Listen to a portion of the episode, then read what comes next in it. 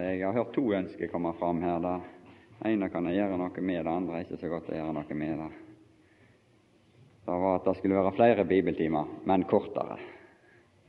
Det var det ene. Så derfor får jeg formidle videre til de som står for dette. Men det andre var at jeg skulle si hvor jeg leste ifra. Og eh, det vil jeg si nå. Jeg leser fra Johannesevangeliet, stort sett.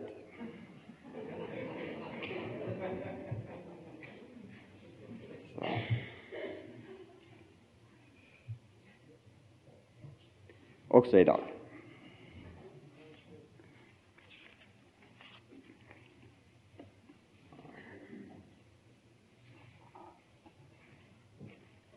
Gud som eh, er så ganske forskjellig fra oss, han er liksom helt annerledes enn oss. Han sløser der vi sparer, og omvendt. Og han ser verdier der vi ser ingenting, og omvendt og der vi vil ta til gjenmæle, der tier han, videre. Det er liksom egenskapene i Gud. Og så valgte denne Gud å framstille for oss seg sjøl i et menneske iblant oss. Det er underlig å framvise dette slik han var. Det står jo i Johannes 1.1 at eh, Ordet var Gud. Og i vers 14 så er dette her ordet som var Gud, så er det blitt kjøtt. Og i vers 1 så var ordet hos Gud, og i vers 14 så er det tatt sin bolig iblant oss iblant oss mennesker, iblant Ja, det er nå egentlig iblant de jødene han kom til, da, for sånn ca. 2000 år siden. Den evige han liksom viste seg fram som menneske noen år her i verden. Og det var noen der som tok imot han, står det her. De, alle de som tok imot han. De som trodde på han, de fikk se et syn. De fikk se en herlighet, og innholdet i den herligheten var nåde og sannhet. Det var en fylde av nåde og sannhet. Dette, denne bolig, eller dette tabernakel, eller dette tempel, om du vil, som Gud tok bolig i, med sin herlighet og framviste sin nåde og sin sannhet, det tempelet blei brutt ned står der. Det ble brutt ned. I kapittel 2 og vers 19 Jesus svarte dem, svarte og sa til dem, bryt dette tempel ned. Og det ble brutt ned. Det er liksom det som ligger der, det er det han forutsier der. Bryt dette tempel ned. Men om det ble brutt ned så skulle han gjenreise det. Og han har gjenreist det. Men han gjenreiste det ikke på det samme sted og på den samme plass og den samme, til den samme funksjon, kan du si, som det hadde vært, men han flytta det til et annet sted. Selv om han viste seg eh, flere ganger for sine disipler, så gikk han til Gud som han kom ifra, og så gikk han tilbake til Faderen, han gikk tilbake til den herlighet han kom ifra. Dette gav han, og han ble usynlig for sine. Han, det er sky som skjuler han. Han gikk bak ei sky, og siden den har ingen sett han.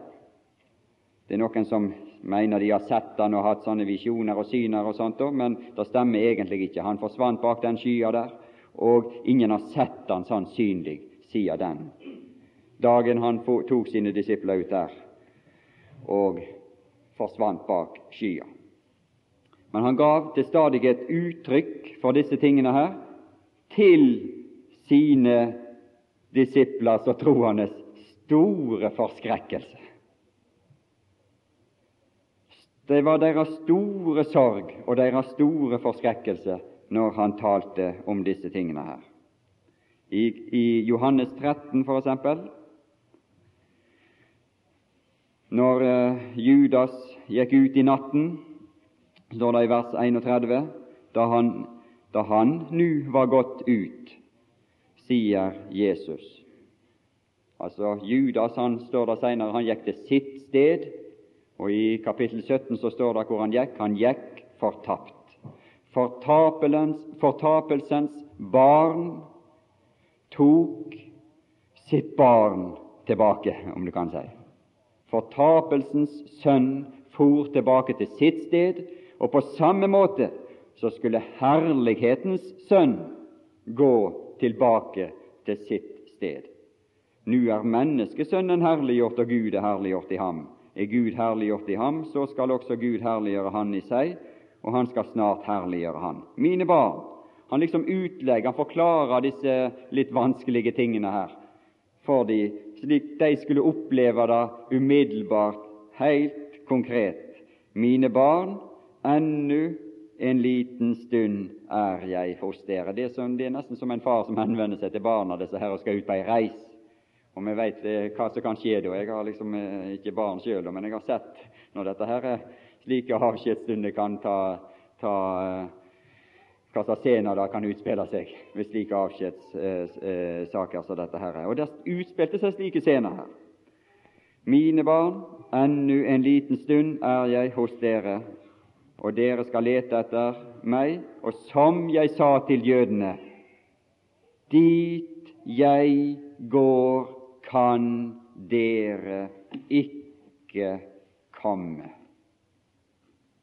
Og hans tale medførte sorg og forferdelse i deres hjerter. Her står han som de hadde hørt og sett og trodd på, som hadde ordna alt for dem, som de hadde sett hans herlighet, de hadde sett hans person, de hadde satsa liksom livet på, på han. Ah, han vil vi satse på. Dette vil, han vil jeg stå på. Han vil jeg være blant med. Han vil jeg satse livet mitt på. Og så sier han det at nå skal jeg gå bort, men du litt være tilbake. Og de ble forferda når de hørte dette her. Og han sier her ute i kapittel 16 og vers 6 fordi jeg har talt dette til dere, har sorg fylt deres hjerter. Jesu tale fylte deres hjerte opp med sorg. Det er ikke liksom slik vi vanligvis omtaler Jesus, så at han skaper sorg i hjertet. Men han gjorde det her. Det står det her. Han sier det sjøl. Fordi jeg har talt dette til dere, har sorg fylt deres hjerte. Og det var ikke bare sorg, det var mer enn sorg. Det var forferdelse. For når han sier 'deres hjerte forferdes ikke', så er det for å imøtekomme det behov som var skapt i deres hjerte, nemlig at det hadde oppstått forferdelse i deres hjerte over dette at han skulle gå bort. Og Vi vet at eh, Peter han også liksom i panikk her i, han fikk helt panikk her i, i slutten på kapittel 13, og han, han, eh, han sa da at 'nei, jeg vil være med'. Han er akkurat som en guttunge som liksom forlanger å være med. Nei, du kan ikke være med nå. Det er umulig at du kan være med. Nei, men jeg vil være med. Ja, men du kan ikke være med. Ja, men jeg vil. Nei, du skal ikke være med. Men siden. Det skal komme en dag, Peter, da du skal få være med, men ikke nå. Du lytt være tilbake nå, og du lytt gjennomleve forferdelige ting, Peter. Men i vers 14,1 hjertet ditt, når du er gjennom disse forferdelige ting, hjertet ditt, la ikke det forferdes. Deres hjerte forferdes ikke. Og Det står litt lenger ut i her i kapittel 16 og vers 20 at det blei gråt og jammer. Sannelig, sannelig, sier jeg dere, dere skal gråte og jamre dere. Det kjenner vel slike scener, det som er foreldre. Gråt og jammer. når de må reise seg fra barna, og de ikke får være med. Men han hadde noe på lur. Han hadde noe på lur. Det var ikke liksom dette som skulle være Det var, det var ikke slik han hadde tenkt å, å, å la de være igjen. Det var ikke på denne måten. For det står noe om glede her. Men deres sorg skal bli til glede. Og det står i vers 22, 16, 22, således har dere nå sorg, men jeg skal se dere igjen, og deres hjerte skal glede seg, og ingen tar deres glede fra dere. Det er arten av den glede. Da ble De gleda seg litt i verden lenger oppe, i et par vers lenger oppe, men den gleden var ganske kortvarig. Den blir tatt ifra dem. Men han vendte deres sorg til glede som ingen skulle ta ifra dem.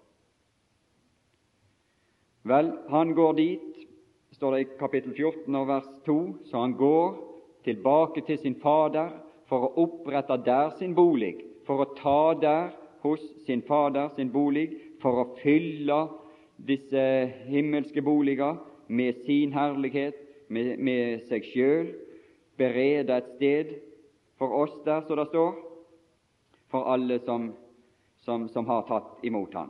Og han skal komme og ta oss tilbake dit. Dit gikk han for å være i dette hus. Men når han for, så etterlot han oss ikke, står det i vers 18, farløse. For han skulle komme til oss likevel. Selv om han for, skulle han komme til oss. Og i vers 23 så sier han om noen elsker meg, da holder han mitt ord, og min far skal elske han, og vi skal komme til ham og ta bolig hos ham. Han skal gå til himmelen for å ta bolig hos sin far, men samtidig så tar han Faderen med seg og tar bolig i oss, alle som elsker Han, og som har tatt imot og holdt Hans ord. Så de kommer på besøk til oss. Han som har gjort alle disse gode tingene mot oss. Han som har gjort alle ting vel, han vil komme og besøke oss og være i oss og tegne i oss.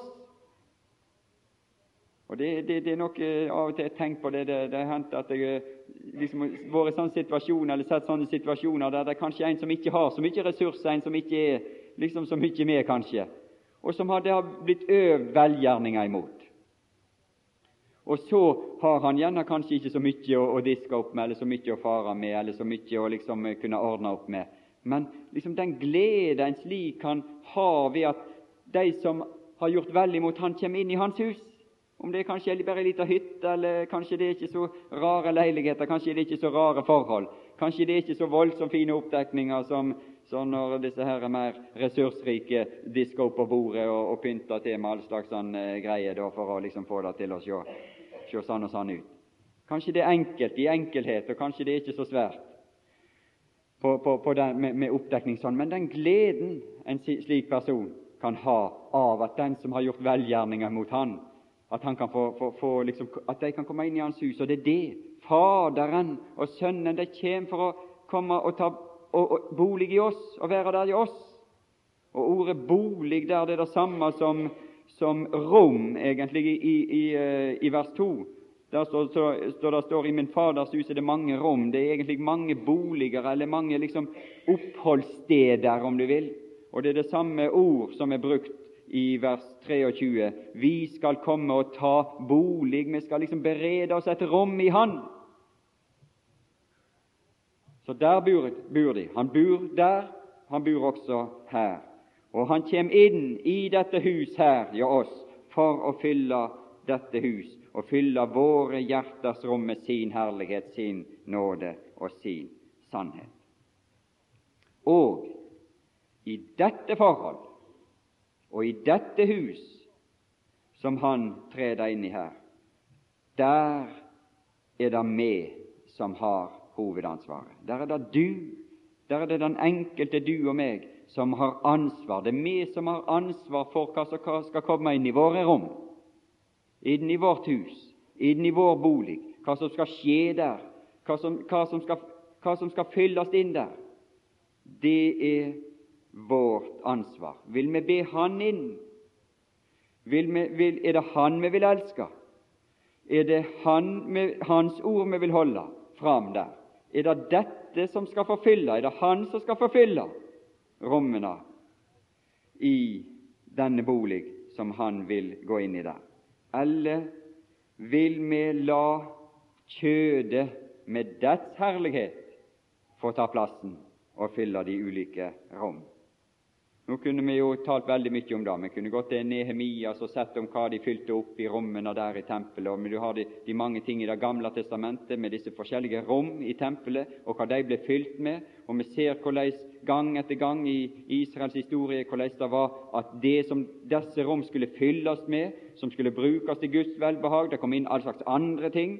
Og det som skulle være der, det ble trengt ut og til side, eller ble trengt inn slik at de ikke fikk sin rettmessige plass, og så kom det inn all slags andre ting, verdslige ting, kjødelige ting. Fiendene, eh, Israels fiender, sine personer, fikk beredt sine rom inn, inn der. Det er vårt ansvar å holde rede på og, og, og, og, ta ansvar for hva som kommer inn i våre hus, i våre rom, og hva som får fylles inn der.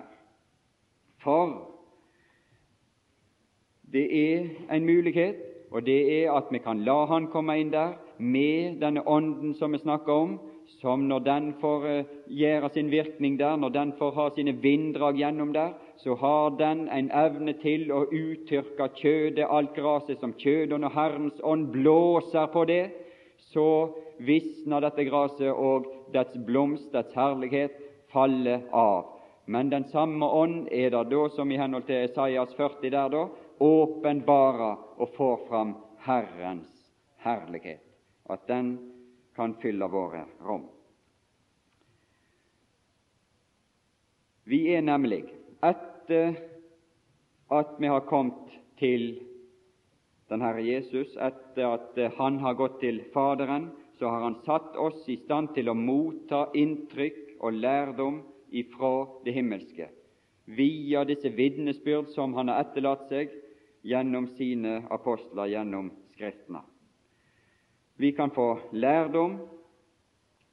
Han har sendt en talsmann, taler han mye om her i, i de siste kapitlene her i Johannes, og så har han sendt en, en, en talsmann som skal ta av hans, som skal minne deg om alle ting det som han har sagt, som skal vitne om han for disse, for at dette vitnesbyrdet skal kunne bevares, og det er nedtegnet i Skrifter, og den samme talsmann vil ta det samme vitnesbyrd i dag for å vitne om disse ting for oss.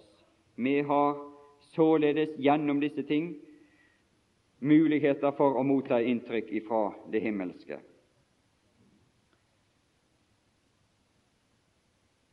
Han skal minne Ja, dette har jeg talt til dere mens jeg var hos dere, der står i 14.25, men talsmannen, Den hellige ånd, som Faderen skal sende i mitt navn, han skal lære dere alle ting og minne dere om alle ting jeg har sagt dere. Det sa han til sine, de som hadde hørt han, og det skjedde med dem. Når talsmannen kommer i 1526, som jeg skal sende dere fra Faderen, sannhetens ånd, altså Han som skal kunne bringe med seg sannhet, opplysning om de himmelske ting, som utgår fra Faderen, han skal vitne om meg.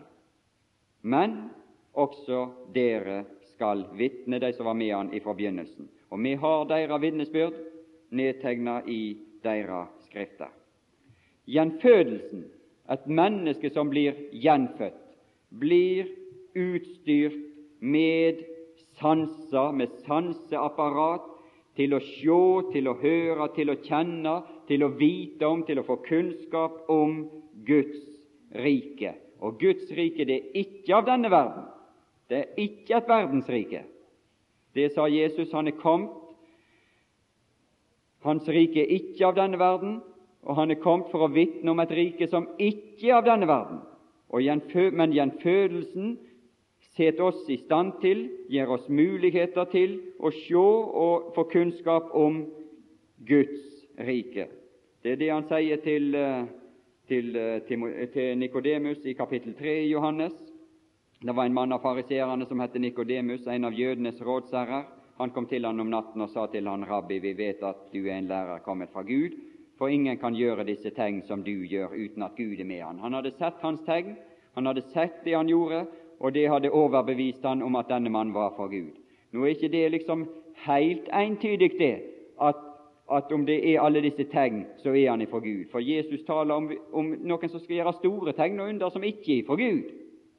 Det skal skje på en måte det samme det som skjedde når Moses kom ned i Egypten.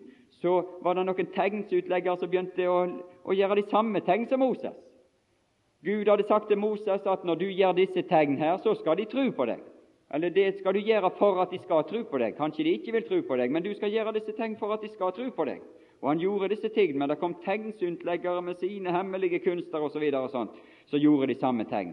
Men de var i stand til å følge han i tegn bare til en viss grad, bare til et visst punkt, for da gjorde Moses tegn som de ikke makta å følge. Og her er gjort tegn i Johannes evangeliet som ingen har gjort verken før eller seinere, og som ingen andre enn den Herre Jesus har noe som helst mulighet til å gjøre. Og Det sier han f.eks. i kapittel 15 her og vers 24. Hadde jeg ikke gjort de gjerninger blant dem som ingen annen har gjort. Ingen annen har gjort. Hvis han ikke hadde gjort det, da hadde de ikke synd, men nå har de sett dem, og allikevel hatet både meg og min Fader. De tok ikke imot, de trodde ikke på tross av disse uimotståelige tegn som han gjorde, og uimotsigelige tegn. Men her var en som var blitt overbevist, og så kom han til han. Her hadde tegnet virka slik det skulle. Tegnet førte nemlig denne mannen til den Herre Jesus. Jesus svarte og sa til ham, Sannelig, sannelig, sier jeg deg, uten at noen blir født på ny, kan han ikke se.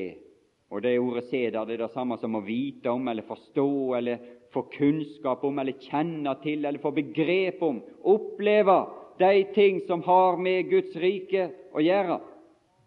Kan han ikke se Guds rike? Da må en ny fødsel til. Da må en fødsel som, Og så begynner han å utlegge dette her. Så sier han at det som er av kjød, det er kjød. Og all kjødets herlighet kan du nok se, men den, kan, den har ingenting i Guds rike å gjøre. Men den som er født av Ånden Når Ånden begynner å, å, å blåse bortover markene og, og tørke bort kjødets herlighet og åpenbare Hans herlighet, som vi tror på Han, da er det det skjer disse underlige ting. Du hører denne susen. Det er liksom dette, Når du skal begynne å forklare hva gjenfødelsen er, så, så sier han du, du, du liksom, vinden blåser dit den vil. Du hører den suser, du hører denne stille susen, som Isaiah, som Elias. Men du vet ikke hvor den kommer fra, eller hvor den farer hen. Således er det med hver som er født av Ånden. Men du har hørt denne susen, der det ingenting er igjen av kjødet og dets herlighet, men der Hans herlighet, den Herre Jesu herlighet, blir åpenbart for deg. Og du skjønner og forstår det at det er ingen muligheter for meg utenom Han, utenom den Herre Jesus og det Han har gjort, og det den Han er. Jeg har ingen mulighet til, til å, å, å, møte Gud, til å komme inn i Guds rike utenom Han. Da, når denne overbevisning kommer der og tas imot ved tro Når han spør her i, i vers 10 du er Israels lærer og vet ikke dette, så begynner han å legge ut dette her. Så er det tro, tro, tro, tro. I disse videre versene nedover her tror, tror ikke, tror, tror ikke. Det er det som er det store, avgjørende skillepunkt. Tror, tror ikke. Du kan lese de, de, de versene nedover der ifra, i, i Johannes 3 der. Men når et menneske da er født av Ånden, så har det fått også ved gjenfødelsen muligheter for å se og kjenne til og forstå og innta inntrykk ifra Guds rike, ifra den himmelske verden. Vi vet, sier Johannes, vi vet, han har fått kunnskap. Det er herlig med sånne liksom når en mann veit hva han snakker om. Og Johannes veit hva han snakker om. Det er ikke noe liksom tatt som noe sånt men kanskje, muligens, at dette er en viss mulighet for, og her må vi være forsiktige osv. Men vi vet Vi vet, og det, det ordet 'vet' der som man bruker veldig ofte av Johannes, det er det samme ord, så dette ordet 'se Guds rike'. Å vite om det, å få kunnskap om det, og det å erfare, ha personlig erfaring om. Og Han sier i 1. Johannes Nå går jeg litt utenom Johannes ved en anledning her. 1. Johannes brev 5 og vers 20. Men vi vet at Guds sønn er kommet, og han har gitt oss skjønn til å kjenne den sanne. Kjenne sannheten. Kjenne den sanne. For sannheten er jo den sanne. Det er den Herre Jesus sjøl. Vi har fått skjønn evne, om du vil, eller sanse, eller sinn, eller forståelse, forstand. Han åndet på dem og opplot deres forstand, står det.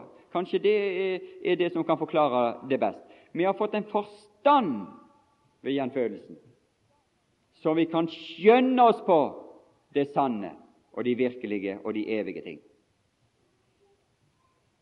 Men du har fått en forstand, og du har fått en begavelse for at du skal bruke han.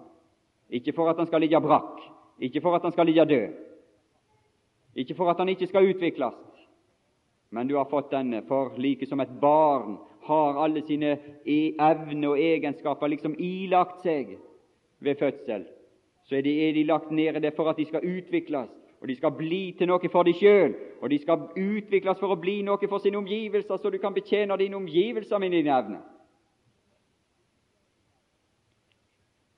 Og Det er også tanken med dette. her.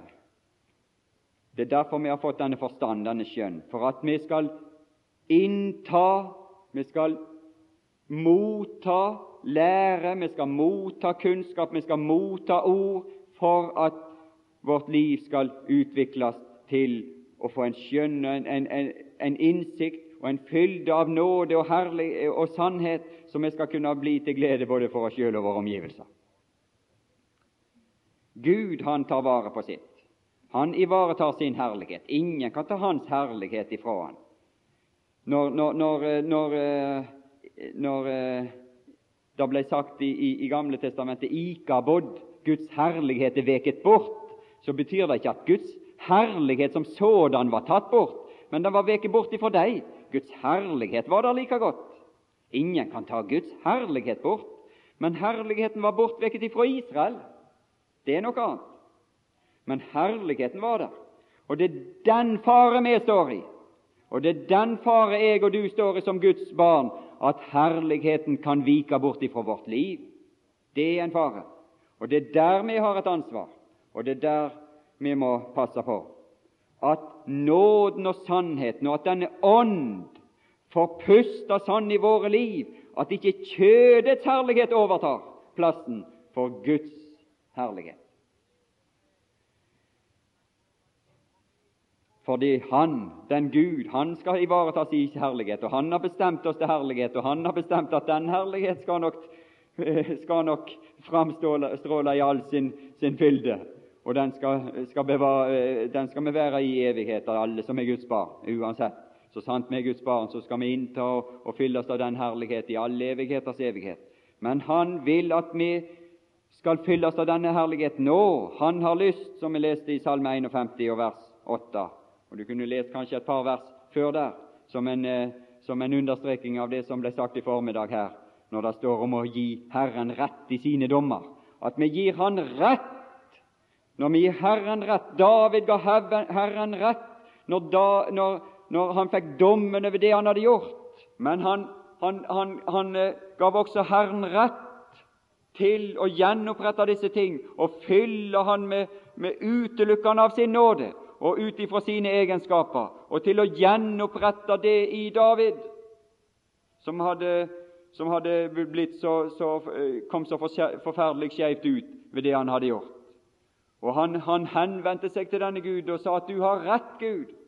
Du har rett til å dømme meg, du har rett til å kaste meg bort, du har rett til å gjøre hva du vil med meg, men du har òg rett til å gi meg tilbake av alle disse ting. Og din lyst, Gud, det er at sannhet skal fylle seg inn i mitt hjertes innerste og ta vekk og bevare meg fra det, den kjødets lyst som overvant meg, som fylte det hjertet, og som overvant meg, og som styrte mine gjerninger og mine handlinger i det jeg gjorde. Men du har lyst til sannhet i hjertets innerste, at din herlighet skal ta plass der og bli der. Vi står i den samme fare som David, kanskje på det området og på andre områder, og på alle områder, der kjødet ut, eh, uttrykker sine lyster og sine begjæringer og sine herlighet på alle mulige slags områder. Dette er bare ett av de områdene som, som, eh, som uh, omtales der. Men,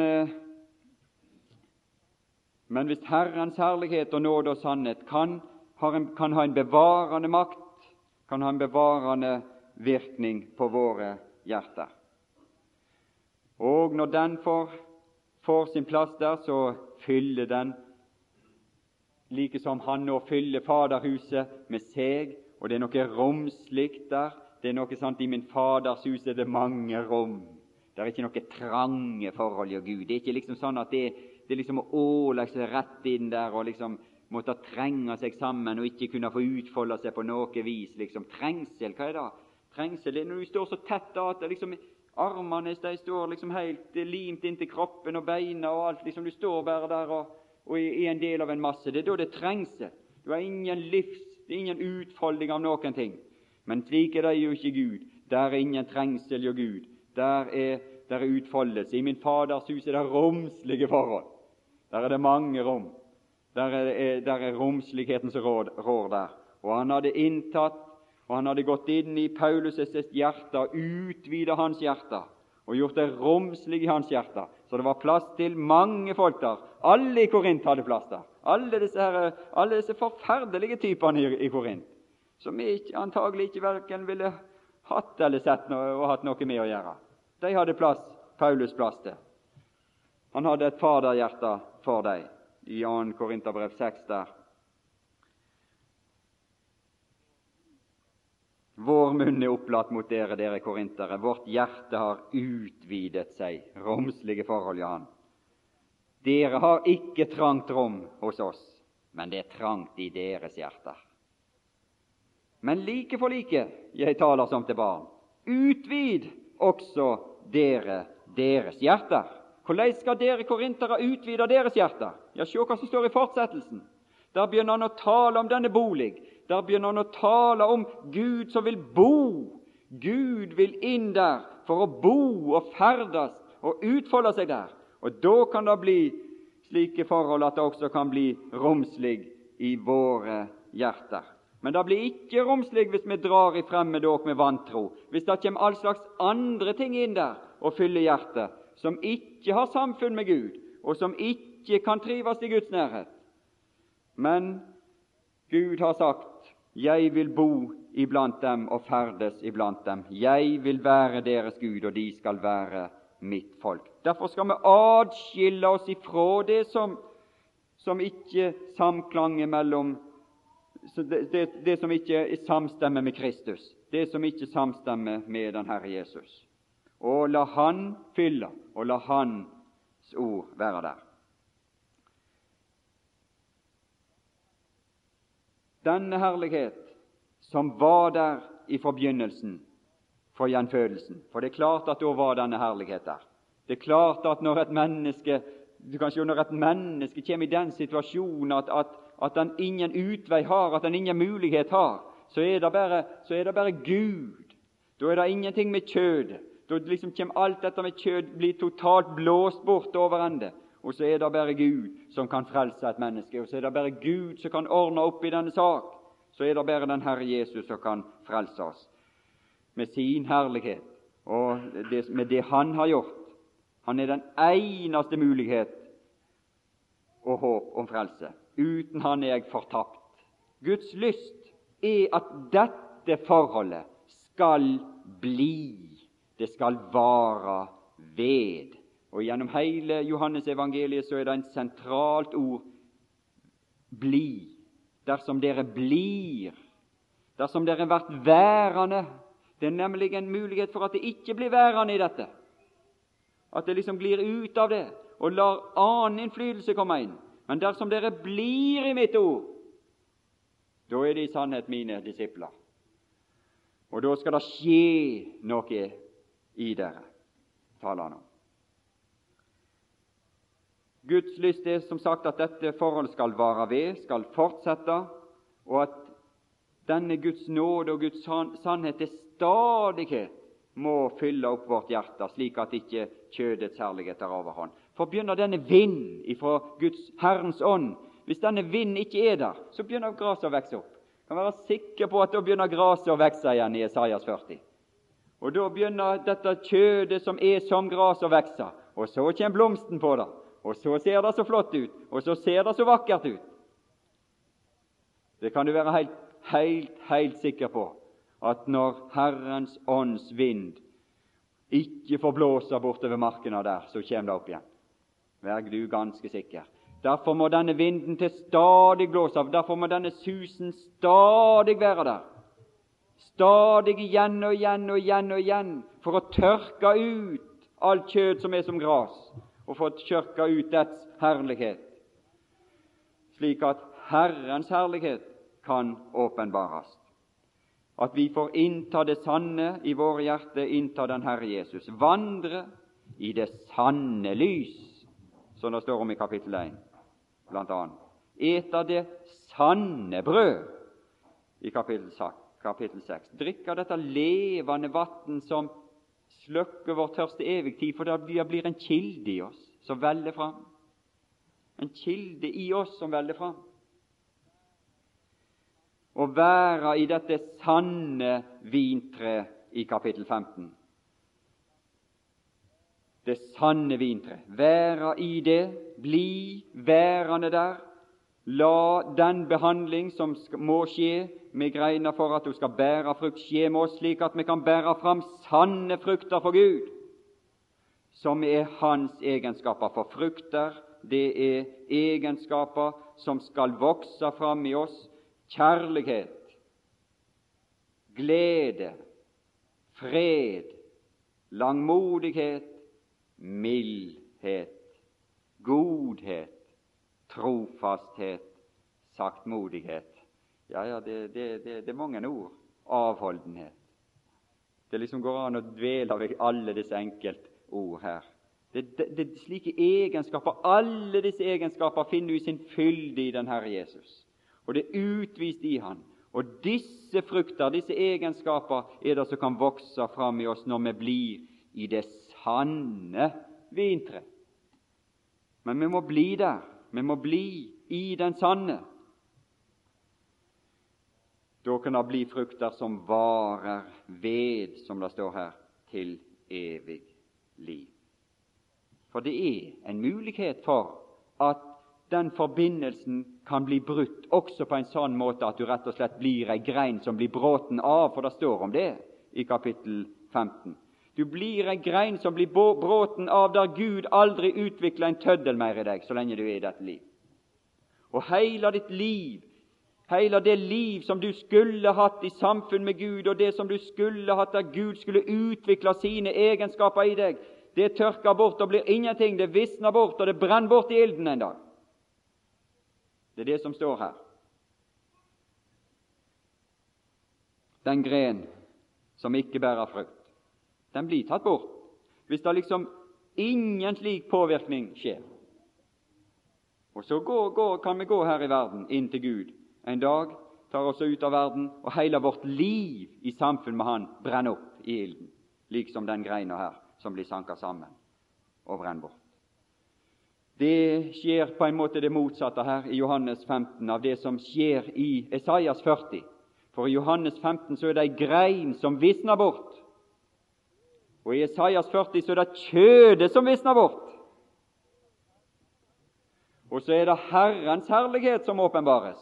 Men i Johannes 15 så er det kjødet som får liksom tatt overhånd, og så er det kjødets herlighet som blomstrer opp, og så blir denne grein på han, så da står det her, så tas den bort. Om vi ikke blir i Han, da kastes Han ut som en gren og visner. Men det er ikke Hans lyst Og det er ikke det han vil, men han har lyst til sannhet i hjertets innerste. Da unngår vi ved å bli i Han, da unngår vi det som ble Israels dom. Det begynte så fint i alle all, Nå leser jeg gamle testamentet, så når, når, ting begynner å bli satt opp I begynnelsen er alltid så, da, da fyller Herrens herlighet alltid tempelet, tabernaklet. Det begynner så veldig. Men så leser vi videre utover, og da, da er det skrevet til advarsel for oss for at vi ikke skal gå inn i slike ting. At det er ei tom gudstjeneste igjen. Det er en ytre forme som er bevart, men det er ei tom gudsdyrkelse igjen, der Herrens herlighet kanskje endatil slik som den gjør i Esekiel, og med nølende skritt for skritt drar seg tilbake, og til slutt så ser vi den Herrens herlighet forlate hele tempelet med all dens gudsdyrkelse, og så er det tom gudsdyrkelse tilbake. Det skjedde i Esekiel. Det som svikter, hva er det som svikter? I Jeremias 8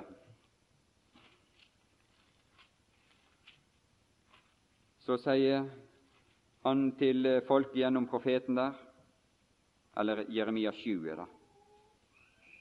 I vers 21 så sier Herren, herskarenes Gud, Israels Gud, legg bare deres brennofre til deres slaktofre og et kjøtt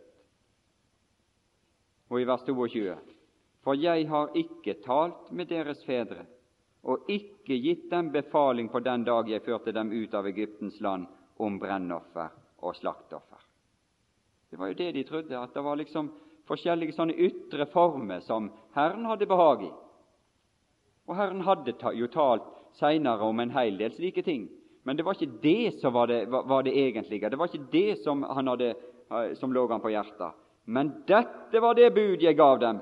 Hør på min røst. Så vil jeg være deres Gud, og dere skal være mitt folk, og dere skal vandre på alle de veier jeg byder dere, så, dere må, så det må gå dere vel. Og Da ble det også oppsatt ei gudstjeneste med sine ordninger. Men de hadde bevart en del ytre ordninger og forlatt Herrens ord og forlatt Herrens røst og sagt at vi bryr oss ikke om det som er der. Nei, det, det, det som setter vi til side. Vi interesserer oss ikke for det. Og det er dette ordet at Herrens ånd bruker for å blåse på oss. Og Derfor blir det ingen muligheter for liv. Og Derfor er det at alt som har med kjød, kommer fram, slik, det, slik som det var blitt iblant Israels barn. Og Johannes berører forskjellige element for vår tid, for vår situasjon, som er typisk de som vi går villig og der vi begynner å dyrke ytre forhold, slik at det til slutt, i verste fall, kanskje blir, kan bli slik at det blir en tom gudsdyrkelse. Og Disse elementene er naturlig nok knytta til synlige forhold i vår gudsdyrkelse, ikke til det som kanskje mest opptar Herren, nemlig Åndens frukter i våre liv, slik vi er i vår, våre liv, i, i, i vår opptreden, men det som har med mer ytre ordninger i, i sånn mer offisielt gudstjenesteliv. Nå eh, tror jeg jeg skal gi meg med det, for eh, det kan kanskje være nok. Men det har med personer, det har med tilhørighet, det har med, med, med slike menneskelige anordninger og parti å gjøre. Det har med dåp og med dens lære og den praksis å gjøre. Det er ingenting som har skapt større skille iblant Guds barn enn spørsmål om dåp og dåpspraksis. Finnes ikke noen merkelige greier. Da, de, du kan, være, du kan være, ha fred og fordragelighet med en troende venn, og du kan gå i fred og fordragelighet, og så plutselig begynner du å snakke om dåp. Da kan du ende som kamphaner før du vet ordet av det. Ja, er det det, tror du det er Gud, alt det der? alle disse strider og alt dette her som omkring det? Tror du det er Gud? Ja, du, du, har noe lignende knytta til det som, eh, som uh, har med nadvær å gjøre. Det kan ha med uh, nadvær å gjøre, det kan ha med bønn å gjøre, tilbedelse, hus, steder, spesielle hus som er innvidd. Nå hørte jeg ennå til at bedehusene var blitt hellige i Norge.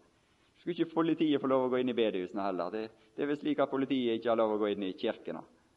Men nå var jammen Selv det offisielle Norge Nå hadde de utnevnt også bedehusene våre som, som slike hus som var, var var liksom skjerma fra politiets øvrighet. Ja, ja, de gir etter enda til der borte. Er ugudelig regjering. Merkelige greier. Hus. Har Herren noe spesielt behag i enkelte hus framfor andre hus? Hvor står det skrevet? Lære. Lære. Ja, ja. Alle disse ting blir behandla i, kapittel, i ulike kapittel. Jeg vet ikke om det er det det står om i enkelte av disse kapitlene, men i hvert fall det som vi kan referere det til i kapittel 1 og kapittel 4 og kapittel 3 og kapittel 7 osv. Johannes har ingen ytre beskrivelse av noen sånne forhold. Ikke et eneste et sånt forhold er beskrevet. Ikke ett. Men han beskriver livet. Han utlegger livet. Han, han, han legger saken framfor oss som nummer én. Og når saken, når livet, når selve disse usynlige ting får fungere og fylle våre hjerter og gjøre sin virkning i våre hjerter, så vil nok disse ytre ting komme etter. Og da vil, da vil de beskrivelser og de forskrifter som er mer eller mindre klart lagt fram for oss, da vil de komme etter, og det vil vil kanskje bli litt ulik praksis fra plass til plass, men det bærer vi gladelig over med. Og det, om, om, vi ikke liksom ser akkurat slik på den vesle praktiske detaljen som de har det sånn og sånn, i, i den og den saken og i, i, det og det, den sammenheng. Vi henger oss heller ikke opp i så enkelte har gjort i enkeltord til, til å forkludre hele saken ved å liksom poengtere sånn ett enkelt ord. Men tenk på en mann som Luther, som gikk totalt i bare på ett enkelt ord 'Dette er mitt legeme'. Og så utvikler han nærmest ei vranglære ut ifra ett sånt enkelt ord. Fordi han ikke greide å heve seg over det. Og vi kan gjøre noe lignende. Vi kan liksom ta ut ett enkelt ord og begynne å vektlegge det sånn at det, det, det, det blir, blir galt at det er én enkelt ting liksom som, som, som, som egentlig ikke er i samsvar med totaliteten og helhetslæren. Og så kan vi begynne å opphøye det til den store sannsaken. Altså, hadde nær sagt hadde det stått at det var grønne gardiner i det, den salen som vi var samla i, apostelgjerningene en plass, så hadde vi vel, vel fått noen som sagt at, at liksom, hvis det ikke er grønne gardiner i det rommet som vi samles i, så er det alt galt. Det må det være. Hvis, det, hvis jeg skal kunne være med på møtet hos dere, så må det være grønne gardiner som henger i, i, salen. Ellers kan ikke jeg være med, for det står i apostelgjerningene sånn og sånn. Dette er altså litt sånn tenktale, litt karikert. Men altså, vi, vi, har en god del av det der i oss. Og vi er ikke bedre med Vi må ikke tro vi er så mye bedre med som er samla her, selv om vi ikke liksom deltar så mye i sånne offisielle, rituelle former. Vi har den samme tendensen i oss med som alle Guds folk til sånne ting. Men når saken, og de evige ting får fylle våre hjerter, så, så blir vi i stand til å håndtere også disse utvortes ting og kunne leve i samfunn med de som den Herre Jesus elsker alle de som er gjenfødt, alle de som er født av Han, og lever på en rett måte sammen med disse. Vi skulle gått inn på dette, men det har ikke vi tid på litt nå, da, litt nærmere oss. Kunne ha sett en del nærmere på enkelte sånne ting. Herre Jesus, nå vil vi igjen takke deg, takke deg for dette velsigna ordet som du gav oss. Takke deg fordi at du som utsending kom ned til denne verden. Du, det var ingenting som du holdt liksom ikke på din posisjon og stand og skikkelse i himmelen, og det var ingen som måtte tvinge deg fra deg. Men du kom hit ned frivillig, av et frivillig hjerte, oppofra deg for oss, gav ditt eget blod for oss, gav ditt liv hen for oss. Du, du viste din kjærlighet ved at du, du, du gikk i døden for oss. Du gav, du satte livet ditt til for oss. Herre Jesus så får du gi oss nåde til å leve i dette, fylle våre hjerter med deg og din person, og slik at vi kanskje i noen grad også kunne leve ditt liv iblant våre medmennesker, iblant troens folk og iblant verden, som et vitnesbyrd ifra himmelen, som et vitnesbyrd ovenifra, som et kall på disse til å omvende seg, Herre Jesus.